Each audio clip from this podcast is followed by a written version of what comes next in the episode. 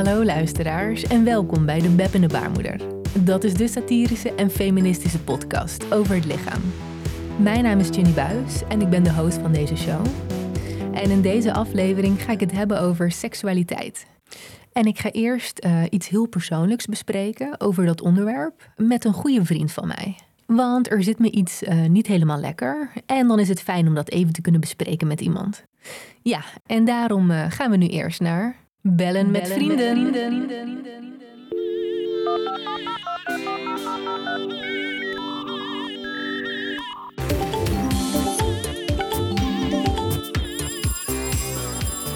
Hallo, met Ernst-Jan Wijnand junior Lodewijk de vierde van Nassau.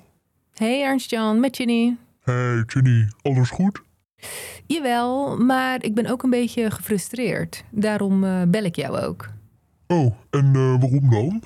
Nou ja, ik begin Toon wel echt leuk te vinden. Hij is gevoelig en open-minded. Wacht even hoor, Ehm, hebben we het over die gozer van de Dirty Talk? Ja, Oh ja, Toon, wat een mooie lul. Bravo. Oké, ga verder. ja, nou, Toon heeft me dus nog eh, helemaal niet gebeft. Ehm, terwijl ik hem al wel een paar keer eh, oraal heb bevredigd. En ja, ik word daar toch een beetje gefrustreerd van. Ja, volgens mij is het gewoon een onderdeel van seks. Dus ja, ik, eh, ik vroeg me af, eh, wat vind jij van beffen? Nou ja, kijk, ehm, zelf hou ik ook niet echt van beffen. Als je aan mij vraagt, waar mag ik jou s'nachts voor wakker maken? Nou, dan is het niet voor de smaak van lichaamsappen. Oh, en, eh, en waarom niet? Nou ja, sommige hertjes smaken gewoon naar vlees, maar hm, je hebt ook vrouwen bij wie het heel zuur en muf is. Ja, daar ga ik dus van over mijn baard. Zo, jij neemt eh, geen blad voor de mond. Exact. En ook geen geslachtsdeel. Hm. Hmm, oké. Maar ehm, je beft wel eens. Het, het klinkt wel alsof je ervaring hebt. nou ja, ik heb het heel lang vermeden totdat ik een relatie kreeg met Dolly. Je weet wel, dat eh, emotionele wijf waar ik een paar jaar terug een rela mee had. Nou ja, zij vond mijn wc-bril-argument nergens op slaan. Eh, wc-bril argument? Ja, ik, eh, ik wilde haar in eerste instantie niet beffen. Toen vroeg zij aan mij waarom niet. Dus toen zei ik tegen haar: eh, Dolly, ik lik toch ook niet aan een wc-bril? Ja, zij werd toen eh, knetterboos en nou ja, was best wel beledigd of zo. Maar ja, ehm, poep komt daar ook ergens vandaan. En nou ja, ik vond dat mijn tong daar dus niks te zoeken had. Nou ja, Dolly vond dat dus een slechte vergelijking. Dus toen heb ik mij er maar overheen gezet. Hmm, oké. Dus, dus je doet het wel eens binnen een vaste relatie, maar, maar niet als vrijgezel. Exact. Ik, eh, ik ga echt geen befflapje tevoorschijn halen als ik gewoon even iemand wil doorblaffen. Zie je het al voor je? nou, ik in ieder geval niet. Oh, oké. En, en is de seks dan wel plezierig voor je sekspartner? Uiteraard, mevrouwtje befflapje. Ik duw een vrouw altijd goed aan. Ja, na flink aanduwen spuit ik haar pas vol. Oh, oh, oké. Je bent meer van de penetratieseks, begrijp ik. Exact. hey, en eh, hoe zit het dan met pijpen? Verwacht je wel dat je partner dat eh, bij jou doet tijdens de seks? Nou ja, verwachten. Hmm, kijk, als een vrouw niet uit zichzelf door haar knieën gaat, ja, dan ga ik haar niet dwingen of zo. Maar ja, als ze mij wilt zuigen, ja, dan hoor je mij niet klagen. Hmm, Oké, maar, maar is jouw orale beleid niet een beetje egocentrisch, eh, Ernst Jan? Hey, ik, eh, ik moet ophangen, Ginny, want er staan hier nog een paar goudgele rakkers op mij te wachten. Dus heren, geniet van de avond.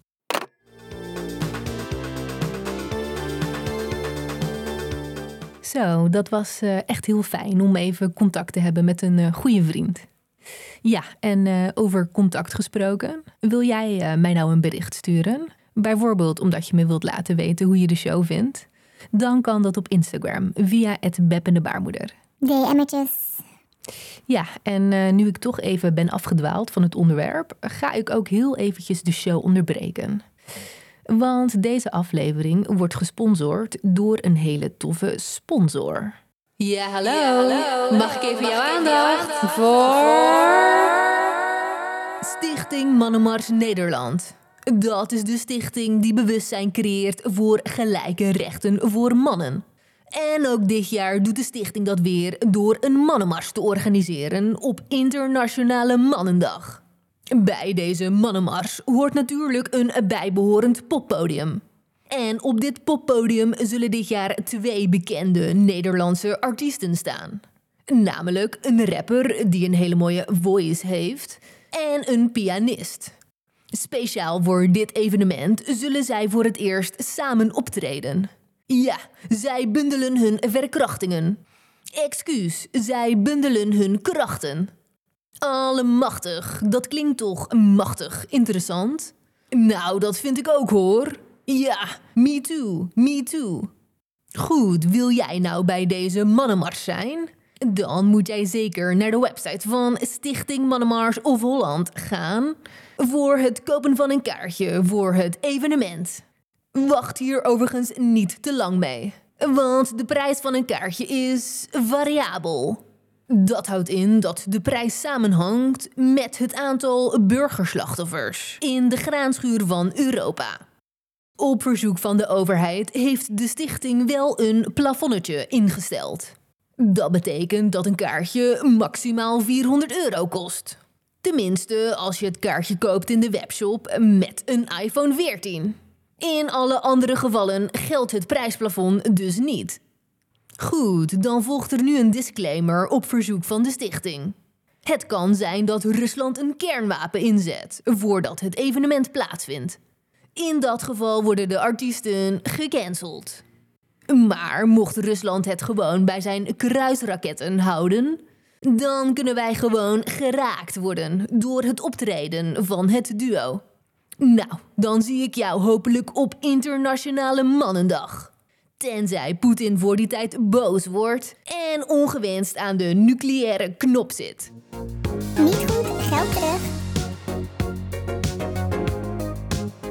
Ja, sorry voor die uh, commerciële onderbreking. Maar we kunnen nu weer uh, verder met de show. En dat betekent dat ik nu iets ga bespreken wat kut is. Want in het verleden zijn veel dingen gebeurd die kut zijn. En daar ga ik nu iets van ontrafelen in de, grote kutshow. En in deze aflevering heb ik het over mentale ziektes. Daarvoor ga ik terug naar 1905.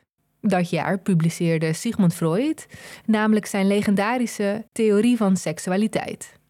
Freud was een wetenschapper en psycholoog uit Wenen.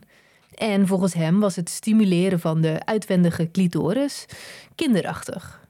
Voor een meisje was het normaal, maar na de puberteit hoorde een vrouw inwendig klaar te komen van penetratieseks. En wanneer dat niet lukte, dan had je volgens Freud een mentaal probleem. Ja, volgens hem had je dus niet alleen een probleem in de slaapkamer, maar ook in de bovenkamer. En iemand die daar alles vanaf wist, dat was Clara. Te, tenminste, dat denk ik dan. Ja, Clara die um, kwam niet klaar. En daar was Clara wel klaar mee. Zij ging daarom naar Freud toe. Volgens hem had het probleem te maken met penisjaloezie. Penisjaloezie? Ja, dat klinkt misschien absurd, maar volgens Freud was de situatie van Clara zo klaar als een klontje. Als kind had Clara zich namelijk gerealiseerd dat zij een vulva had en dus geen penis. En dat ze daarom voor altijd inferieur zou zijn aan het mannelijk geslacht. Oh nee, was een grosse ellende. Clara die, die was daarom ook heel boos geworden op haar moeder, Clarissa. Moetie, waarom heb je mij godverdamd geen penis gegeven? En vanwege deze penisjaloezie kon het brein van Clara niet volledig ontwikkelen. En dat verklaarde dat zij als volwassen vrouw enkel kon klaarkomen op de kinderlijke manier, namelijk clitoraal. Clara die, die was overigens niet de enige in de familie met een mentaal probleem.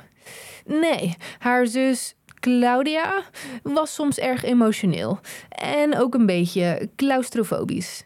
Zij ging daarom ook naar Freud toe. Freud diagnosticeerde Claudia met de ziekte hysterie. Ja, dat klinkt misschien als waanzin, maar niks was minder waar. Volgens de psycholoog was Claudia namelijk seksueel gefrustreerd. Ja, zij verlangde naar haar man, Klaus. Trek mijn korset uit en grijp mijn zitten. Um, Claudia had dit alleen zelf niet door, want haar seksuele verlangens die speelden zich af in het onbewuste. En daarom had zij allerlei emotionele uitspattingen en vage klachten. Freud die probeerde de zussen wel te genezen, alleen hij moest concluderen dat ze niet beter konden worden. Mm, Ja, eens een gestoord wijf, altijd een gestoord wijf. Freud ontdekte echter wel een manier om de hysterieklachten tijdelijk te verlichten.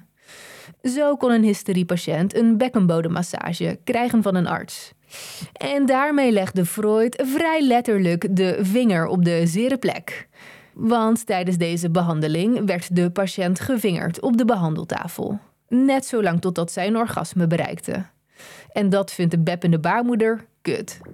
Kut, kut, kut. Zo, luisteraars, ik heb net iets eh, besproken over het verleden en nu zijn wij weer terug in het heden. En daarmee zijn we ook bijna bij het einde van de show beland. Maar voordat de show eindigt, gaan we nog heel eventjes naar de afsluitende rubriek toe.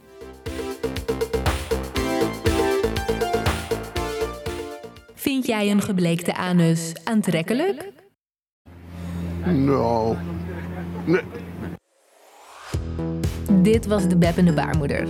Leuk dat je luisterde naar de satirische en feministische podcast over het lichaam.